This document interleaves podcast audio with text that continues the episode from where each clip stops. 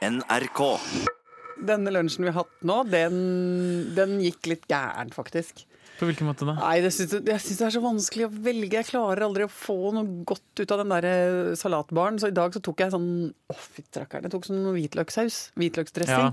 det har jeg jo spist. Jeg bare beklager til dere på forhånd eh, for Det Det kan bli litt hvitløksdunst i studio i dag. Ja, men det er sånn gammel hvitløk. Det er ikke Ja. sånn fersk, fin hvitløk. Det er sånn hvitløk som har spira. Ikke sant? Dere Ja, vet ja. det? Da Mm. smaker det jo et eller annet helt sånn terpentinaktig. Og den har jeg sånn Det er sånn 90-talls hvitløkssmak inni munnen. Men det er interessant, fordi folk har jo slutta å klage på at det lukter hvitløk. Ja, men Altså, det, var, det var vanlig på 90-tallet, at eh, man sa hva har du spist? da? Det lukter jo som eh, Ja. en eh, støvelfabrikk av deg. Ja, og det var utgruppe, liksom. De som lukta hvitløk. Og det var sånn, Ja. Jeg var i den utgruppa. Det var veldig mange som eh, påpekte i klasserommet når jeg gikk på både barne- og ungdomsskolen, at det, det lukta litt hvitløk av meg. At det Lukta var litt- fremmed. Ja, det var fremmed. Ja. Men det var fordi jeg var så utrolig heldig å ha en mor som laga liksom, mat fra bunnen av, og var inspirert av det franske kjøkken, og brukt eh, fremmede krydder. Og da lukta det fransk uh... Spesielt, som Ja, vi kalte det det på Toten. spesielt. Og det var egentlig alt som var Angeles, ikke sant? Ja, da, sånn er det hjemme i Østfold, da. Men hvorfor syns vi ikke det stinker av hvitløk lenger? Er det fordi at nå er alle litt marinert i hvitløk? Eller er det som jeg Jeg mener at hvitløken var mer fæl.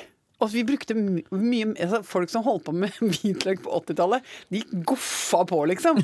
Huff! Det var enorme Altså, det mengder. var, ikke det var ikke nok hvitløk, for det liksom brant i ja, ganen. ja, ja, og du skulle Ja, ja. ha den der Du, skulle, du kjente at du svetta hvitløk. ja. du lukta deg sjøl under armen, så lukta det hvitløk. Det er jo som når man først begynner å bruke Piffi-krydder og blir litt for glad i det. Eh, Da pøser man jo på såpass mye piffikrydder. Snakk til hånden, snakk til hånden. Jeg har aldri brukt Piffi. Det kom aldri innenfor min, aldri innenfor min dørstokk. Har du aldri spist piffikrydder? Nei Jeg kan nok ha spist Piffi, for jeg har spist min del av hundemat på byen. Og kommet hjem med, med, med Thousand Island i BH-sprekken. Det har jeg gjort. og det er jeg stolt av. Men ei loffskive med gulost og Piffi all over, det har du nei, du ikke nei, tatt inn. Aldri, aldri. Jeg har helt egne regler når det er innafor dørstokken. Ja. Altså, alt uh, syndige foregår utafor dørstokken. Innafor er jeg pietistisk. Men du, Ja, nå har jeg litt lyst til å bare Ja. si velkommen før du oh, ja. spør meg Ja. om noe. Kjør på. Eh, og da skal jeg ønske velkommen til deg, Rune Engelsøy Norum. Nei. Nei, hold Det er. Rune Norum Engelsøy. Gud, nå må vi Har slutte med det greiene. du Det drypp. Jeg trodde jeg hadde det, jeg, da. Men eh, det var det du sa. Ja. Anne Lindmo, velkommen til deg også. Tusen hjertelig takk. Jeg heter Halvor Haugen, og dette er Lindmo og co. Eh, ja, hvor skal vi begynne hen, da? Nei, hvor skal vi begynne?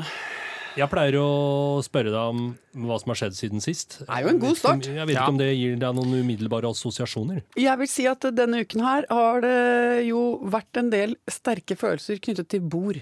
Hva slags bord? Som i, som i bord, som i spisebord. Spisebord. Ja. Og det, det var litt overraskende for meg. Fordi jeg, som kjent så har jeg jo da flyttet. Og så har jeg hatt et bord i mange, mange år. Eh, Hele ekteskapet mitt så har jeg hatt et bord som jeg arva av en av mammas venninner. Et solid eikebord av den gamle sorten. Eh, Og jeg plutselig så kjente jeg hadde følelser Knytta til bordet. for bordet. Og det, det var jeg ikke klar over før jeg var i ferd med å gi det bort og sende det videre. Fordi at eh, vi er, Nå har vi blitt så mange altså i familien. da, altså Hvis vi tar liksom den storfamilien med sånn besteforeldre, onkel og tante pluss fetter og kusiner, da er vi så mange nå at det runde, ovale bordet det er rett og slett utilstrekkelig. Så Det blir veldig sånn knotete. Vi sitter veldig trangt.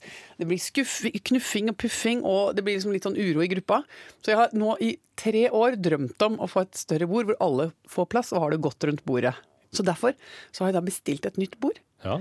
Og så, litt før jeg hadde ventet det, så fikk jeg beskjed om at nå er det kommet og skulle leveres. Og da fikk jeg indre uro, for da måtte jeg jo ta farvel med det gamle bordet. Du kom for tidlig. Ja, jeg var ikke klar. Eh, for, og, jeg var ikke, Var ikke forberedt. var ikke følelsesmessig forberedt på det.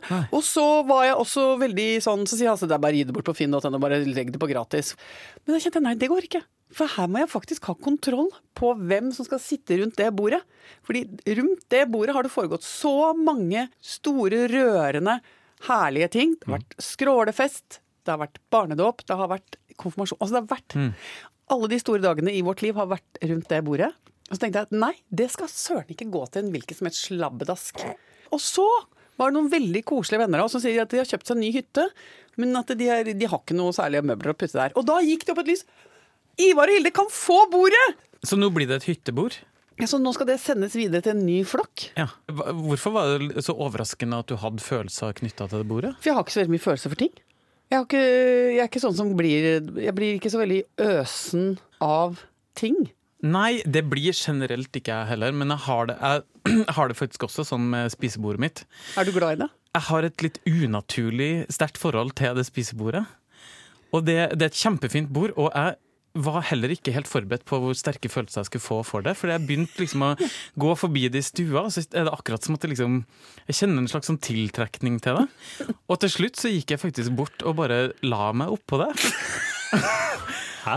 Jeg la meg oppå det og ga det en slags helkroppsklem. Åh, altså, men det er ikke Ikke, ikke du fnise så fælt. da- Dette er ikke Eros, dette er agape. Ja, sant? dette er agape. ren, åpen kjærleik. Jeg mener det, man trenger ikke så mye, men man trenger et godt bord. Ja, man må ha det. Men jeg driver, jeg driver nå med Fortsatt og driver pælmer ting. Kvitter meg med ting. Ja. Og begrenser antall ting som skal inn i livet mitt. Mm. så nå, da ryker det ut. Og nå for eksempel tenkte jeg, vet du hva, salatslynge. Det, det trenger jeg ikke. Fordi der har jeg et, et triks med å legge salaten i sånn i, Altså i et lite kjøkkenhåndkle, og så kjøre sånn håndslynge. Ja. Blir det ikke veldig fuktig i leiligheten? Nei, nei, det tar du ut av vinduet. Eller Ja. på, på verandaen. Det har jeg lært av en italiener jeg kjente. Ja. Så det har jeg så, og så tok jeg og pælma nøtteknekker. For jeg tenker, Hvor ofte må jeg knekke en nøtt, liksom? Og så, og så er det én ting som jeg irriterte meg for. Jeg skulle kjøpe det som jeg vet på interiørfaget heter baderomsgarnityr. Det er Oi. faktisk et begrep. Ja. Det er alt det smårælet. Dorullholder, knagger, sånne småting. Og da fikk jeg nesten raserianfall i butikken. Nå igjen? Du trenger ikke å gå til terapeut, du kan bare gå og handle litt. Så Ja, er mye bare gå på Maxbo, så er du Ja, ja. ferdig. For der er det altså en hel reol med dasskost. Ja ja, men det er jo klart, det må jo passe til resten av interiøret ditt på badet. Og da Skal du ha børsta stål, eller skal du ha sånn artig farga plast? Nei, men vi, vi kan ikke akseptere at vi er kommet dit at vi skal ha et designobjekt i enten porselen, børsta stål eller på en eller annen måte noen slags fancy kompositt. Hvor man skal stappe den kosten som man gnukker bort bæsj med. Da vet du hva? Nå må vi, nå må vi ha en samtale med oss sjøl. Og så må vi si det må vi stryke ut av behovspyramiden. Det må liksom Det må ut. Det må vekk. Det er sammen med leppeblyanten, mener jeg. Altså et par andre sånne helt Ja. inn i morone oppfinnelser. Ja. Og sammen med også et sånn derre hemningsløst dustete produkt som jeg en gang fikk utlevert. En sånn dings som du kan hekte på bordplata eh, når du går på restaurant. Som har en liten krok under seg, sånn at du kan henge opp håndveska di. Da mener jeg altså nå er grensen nådd. Jeg fant nemlig en dasskostholder som kosta oppunder 1000 kroner. ja det, Nei, det går ikke an. eller var den fin, da? Eller? Ja, men Den var forma som noe slags sånn Alessi-fjas. Så ut som en curlingball, liksom. Det Ja. så ut som noe du kunne ta med deg og curle med. Og så var det da eh, stakk opp et sånn der litt sånn rank, eh, artig fasong av noe som du liksom kunne bruke som et håndtak. Og så dro de den, og opp der kommer det altså da et, et, en kost som du skal bruke til å skrubbe feses. Og da tenkte jeg nei! Men tenker du at vi har liksom runda Ja. eh, oppfinnelsesverdenen? At vi Ja. har funnet opp det som trengs å finnes opp, det er funnet opp. Nå får det holde, tenker jeg. Ja. og vi må begynne å stryke i bånd, liksom. Altså, det, vi må bare ta ut en del ting av eh, Ja. Ta en, del, en del ting av brettet, da. Ikke sant? Ja, jeg skjønner. En del brikker må fjernes fra brettet. Dasskost, mener jeg. Designer-dasskost, helt klart. Ja, Stryk ikke det. Men dere, siden sist så har jeg også oppdaget eh, Jeg har møtt meg sjøl i døra. Ja. Har det hendt før? Om det har! Eh, og det er noe av det jeg syns er finest med å leve. Er at, eh, at jeg hele tiden går i sirkel og dulter borti meg sjæl og blir uenig med meg selv. Men, og det siste jeg har opplevd nå, er at jeg rett og slett har blitt omvendt hva gjelder buldring. Eh, Hva er buldring igjen? Ja, hva er buldring? Jo, Du har nevnt det før. Nei, men, altså, ja, men buldring er jo ikke sant? Du har klatring, eh, hvor man klatrer med tau. Så har du buldring, som er på en måte kortdistanseversjonen av klatring. Hvor Ja. du egentlig bare Du kan klatre opp på en stein som er halvannen meter høy, eller kanskje to. Altså, eller, eller bare så vidt klyve over en liten bitte liten del av en liten skrent. Altså, jeg er så skeptisk. Ja. Her er mine fordommer. Ja. Fordi jeg har eh, hørt om buldring før, Ja. og eh, tenker at det, for det første jeg tenker, er at det er en litt sånn tulletrend, akkurat som yoga. Ja, helt Eh, enig. I tillegg til det så får jeg en følelse av vegansk gryte og veldig eh, tynne, bleike, sænete mennesker. Ja, og Kanskje uten underbenklær også? Ja. men det er jo, vi deler jo disse fordommene. Og jeg har også tenkt at det er det dummeste jeg noen gang har hørt. Det er for døvt, liksom. Det er liksom helt på surdeig og Men eh, hvorfor har du blitt omvendt? Ja, men fordi at jeg prøvde det. Ja, nettopp. Ja, Istedenfor å gå rundt og være en skråsikker som bare dømmer folk Ja. på avstand? Så nå må du rett og slett stryke buldrere som duster. Altså Den påstanden den må nå strykes fra lista di. Det er ut av dustelista. Inn på dustelista ryker folk som eier dassbørster som er designet. Ja, ikke sant? Ikke sant? Ja, for det er jo fin, det er en fin metode. Fordi jeg blir stadig fortvila over at jeg må stryke ting fra dustelista. Ja, men ting jeg har bestemt meg for at vedkommende er dust, Ja. eller hele dette miljøet er dust. Ja. Så møter jeg da eh, personer eller miljøer mm. som jeg på forhånd har bestemt meg for er dust. Skjer det samme med meg? Jeg møter meg sjøl i døra. Ja. Finner ut at jeg har tatt feil hele tida. Men det er jo deilig å ha noen å hate, ikke sant? ja, man må ha det. Så jeg blir så fortvila, for snart er lista mi tom, og så går jeg da bare rundt som en sånn godtroende fjott. Ja, Og som en sånn derre uh, som elsker alle. Det går jo ikke. Nei. Vi må fylle på på dustelista. Ja, ikke sant? Du tar én ut, én inn. En inn. Ja. Vi må ikke på noe tidspunkt ende opp uten dusteliste. Det er jo en av de deilige motorene man har i livet sitt. Har du noen bublere på eh, dustelista? Som Bublere? Jeg, ja. Om jeg har! Vet du hva som irriterer meg nå? Nei. Gi det en lyd. Ja. Å, det som irriterer meg mest akkurat nå, det er de overestetiske sjølbergerne. Ja, det, å, det er en smal kategori. Å, nei, ja, det er mange av dem rundt meg! Som å, de, å, å, de, å, de Vi har jo fulle jobber, og vi har jo fått den der tredje ungen bare for å skryte, og det er liksom ikke måte på. Ja. Eh, og, og ja da, og fettprosenten er på to, og det ordnes og fikses. Men så skal man altså i tillegg drive matauk.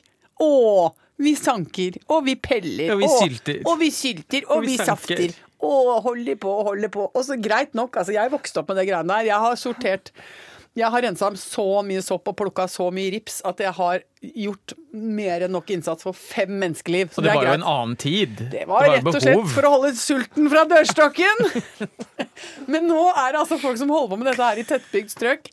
Og det er rett og slett bare for å skryte, for det de holder på med da er å lage dette her eh, ripsgeleen sin eller eplesafta eller hva pokker det er. Og så skal det avfotograferes i motlys. Det er rett og slett uh, syltetøyporr som legges ut. Å, vi har laga etiketten sjøl, de ungene har tegna. Mm, Med potettrikk. ja da, og det er små snorer av lin og litt av sløyfe på. Dette skal alle få til jul. Altså Hvis noen kommer med noe sånt på døra til meg, det, det skal jeg ha meg frabedt. Molte, molteplukking. Ja. Molteplukkerne er ikke noe sur på Nei, det er ikke sant, det. De går fri. De går faktisk Vet du hva? De går faktisk helt fri. De gjør jo Guds arbeid. Molteplukkerne, nei, det syns jeg Og de er skjønne folk. Ja da. Jeg har lurt litt på om jeg skulle begynt å plukke sopp. Nei! Men nei, ikke sant? Det. Da dropper jeg det.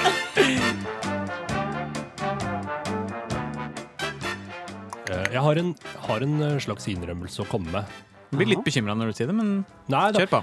Jeg kom til en erkjennelse i morges mens Mm. jeg sto i dusjen. Og det handler ikke om det å stå i dusj. Nei, For det klart. mestrer jeg 100 Det er godt å vite. Nei, jeg bare eh, Jeg tok meg i å tenke at jeg ofte later som jeg kan ting jeg ikke kan. Altså Det er det jo mange menn, andre menn også som gjør. Litt sånn mansplaining, forklare litt mer Nei, Eller litt at jeg veldig ofte jatter og sier ja, ja, ja. Når jeg ikke aner eh, hva motparten min eh, snakker om. Ok, Og du kommer unna med det òg? Ja, ja, Ja, ja. Det er ingen som lurer så fælt. Nei, Nei. Mm. jeg kommer unna med det. Men kanskje jeg bør slutte med det og si Aner ikke hva du snakker om. jeg vet ikke hva du snakker om, Ja. kan du forklare meg hvordan det der henger sammen? Ja, Istedenfor å gå rundt og late som jeg er verdensmester. Og det mest konkrete eksempelet jeg kan komme på, er umami. Altså smaksopplevelsen umami. Ja, gud vet hva det er. For det er akkurat det. Jeg vet. Hva er det? Og du aner ikke hva det Nei, er? jeg aner ikke hva det er. Du kunne like gjerne sagt Ja, ja. ja. Men kan vi hjelpe denne mannen?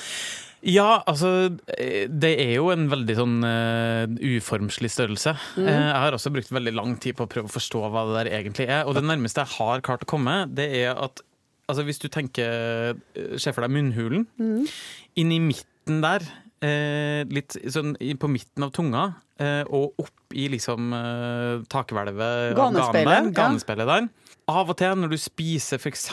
kjøtt, og det blir litt sånn litt søtt, litt sånn fyldig, litt smøraktig følelse med bitte litt sånn saltfornemmelse inni midten der, det har jeg forstått som umami. Ja, altså Jeg kan også peile det ut som en slags Når det ikke er søtt, og ikke er salt, og ikke er syrlig, Ja. Og ikke er surt, som jo er liksom Hvis du tenker X og Y-aksen, da. Ja. Imellom der så fins det jo en, på en måte en smak. Det er vel der sånn potetmos i sånn pulverform Nei, ligger? for det er bare ingenting. okay. Eh, men, og, jeg- men jeg kan ikke så veldig mye mer om det enn det. enn At det er på en måte en sånn Det er den femte smaken, da. Og den er visstnok, har jeg også latt meg fortelle, lokalisert på et spesielt punkt i kjeften også. Men kan det tenkes at det er en myte?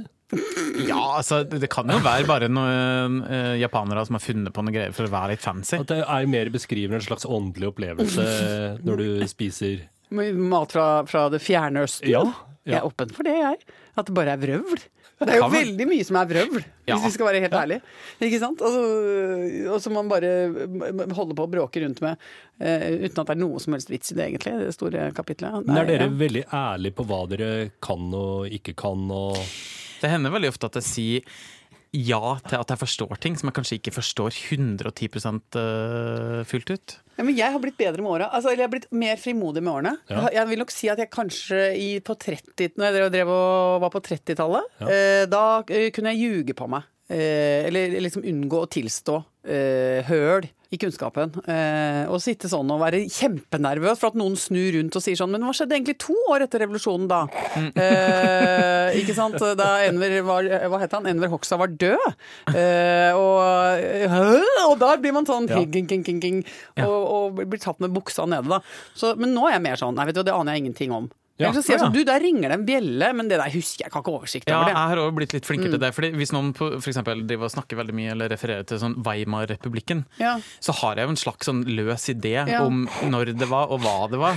Men jeg kan jo ikke gå inn og skrive liksom. Kan du skrive en A4-side om de Ja. viktigste punktene i Weimar-republikken? Kan du innlede om ja. det? Jeg har ikke sjans. fint om du Jeg pleier å ha et triks eh, hvis jeg kjenner at ok, nå kommer det et spørsmål Ja. som kan eh, i verste fall avsløre at jeg ikke vet hva jeg snakker om. Ja. Da pleier jeg å ta en slurk med drikke, Ja! begynne på en setning, Ja. og drikke midt i setningen. ja. Altså, ja, det blir jo som Kirkegård Altså kamuflasjeslurk?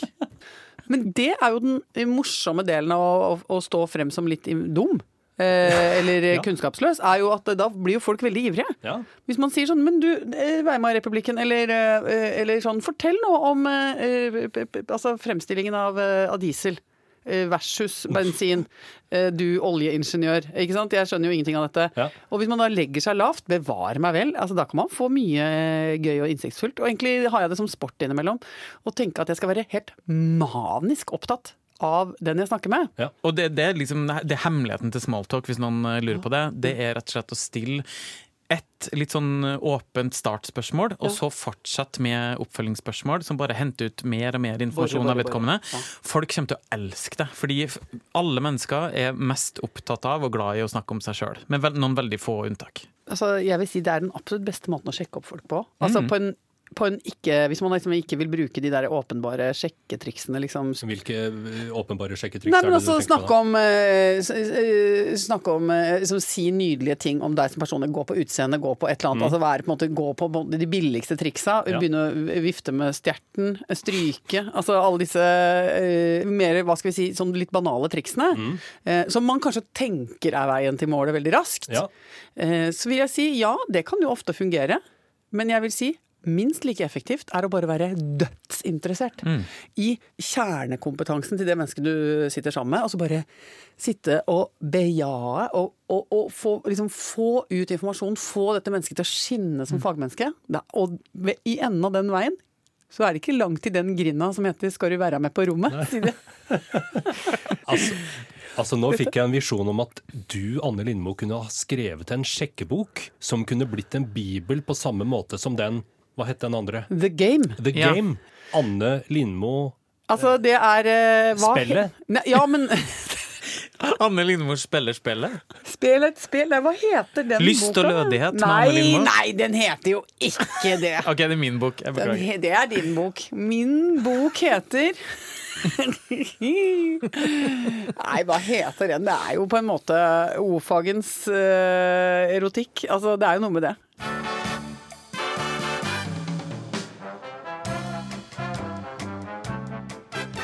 Siden sist så har vi jo også hatt gleden av å møte Vi har møtt Liv Ullmann. Ja, Sjølveste. Sjølvaste. Ja, det er eh, Det må jeg si. Det er så gøy eh, å møte henne. Fordi, også fordi at det, den dama har en sånn litt sånn lang historie i min familie.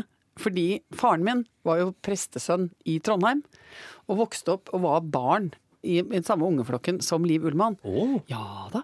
Eh, så alt, hver eneste gang Liv Ullmann var synlig på en TV-skjerm, så sa mamma alltid 'se der er Liv'. Eh, Faren din var forelsket i Liv Ullmann, han.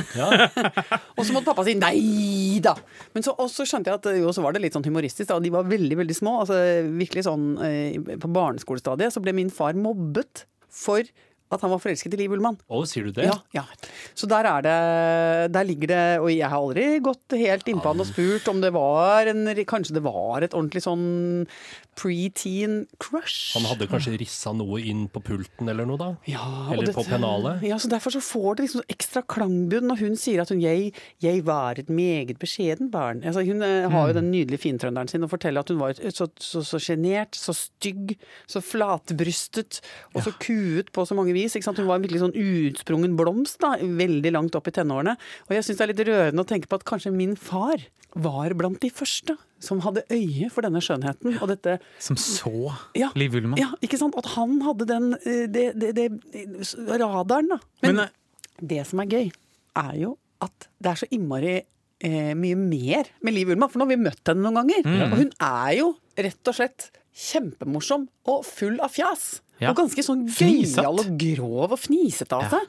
Og vi satte jo henne da sammen med uh, Hailey Shay, som Ja. er uh, vokalist i uh, bandet Slutface. Ja.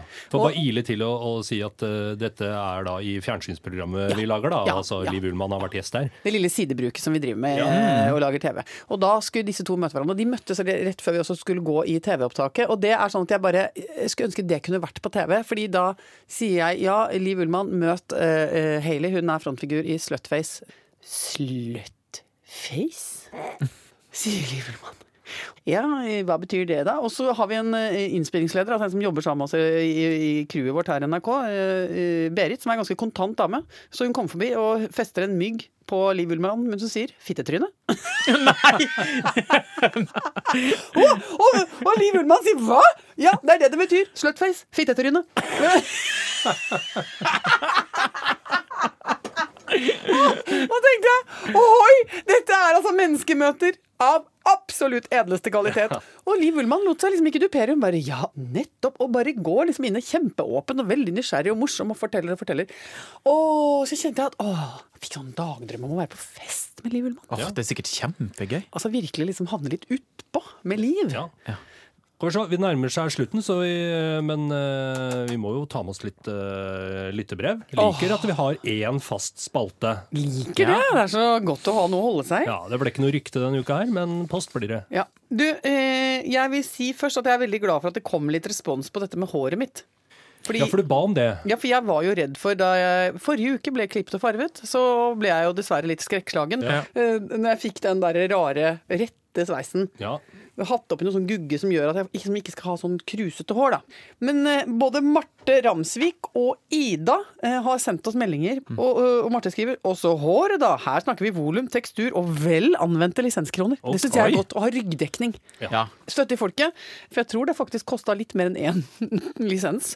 ja. Det var jo Eh, og- seks frisørtimer. ja, så det er jo mye. Eh, og, eh, men altså, håret verdt mine lisenspenger i år, uten tvil. Ok. Skriver, skriver Ida. Så det, det, det krysser jeg av for, jeg er veldig glad for. Eh, men, men så har jeg lyst til å komme til eh, Monica. Fordi eh, hun har nemlig eh, funnet frem til podkasten vår. Eh, Og så skriver hun jeg ler så jeg griner i bilen, og min favoritt er å gi følelsene en lyd. Om dagen har vi det veldig tøft, og da har jeg og ungene begynt å sette lyd på følelser man ikke kan beskrive eller fortelle. Er ikke det fantastisk? Det er helt nydelig. Så skriver hun tusen takk for at hun, har, øh, hun hører på podden, og det gjør at hun ser lysere på livet. Fordi hun har begynt å sette lyd På til- følelser. på følelsene sine. Ja. Så det er deilig. Og innimellom er det innmari deilig, særlig syns jeg på de vonde, kjeie, kjipe følelsene, så er det innmari deilig å gi det en lyd. Fordi det blir for mange ord, og noen ganger hvis man skal slenge ut for mange negative ord, så blir det dårlig stemning òg. Så da er det mye bedre å bare si Altså, et godt raut sier mer enn tusen ord. ja. Ja. Bæ. Ja, Det er vel ikke et raut. Det er et raut. Det du sa var et brek. Et brek sier også Mm. Opptil. Mm. flere ord, eh, men ikke så mange som tusen. Nei. Takk for oss. Takk for oss. da. Takk for deg. Ha det bra. Ha det.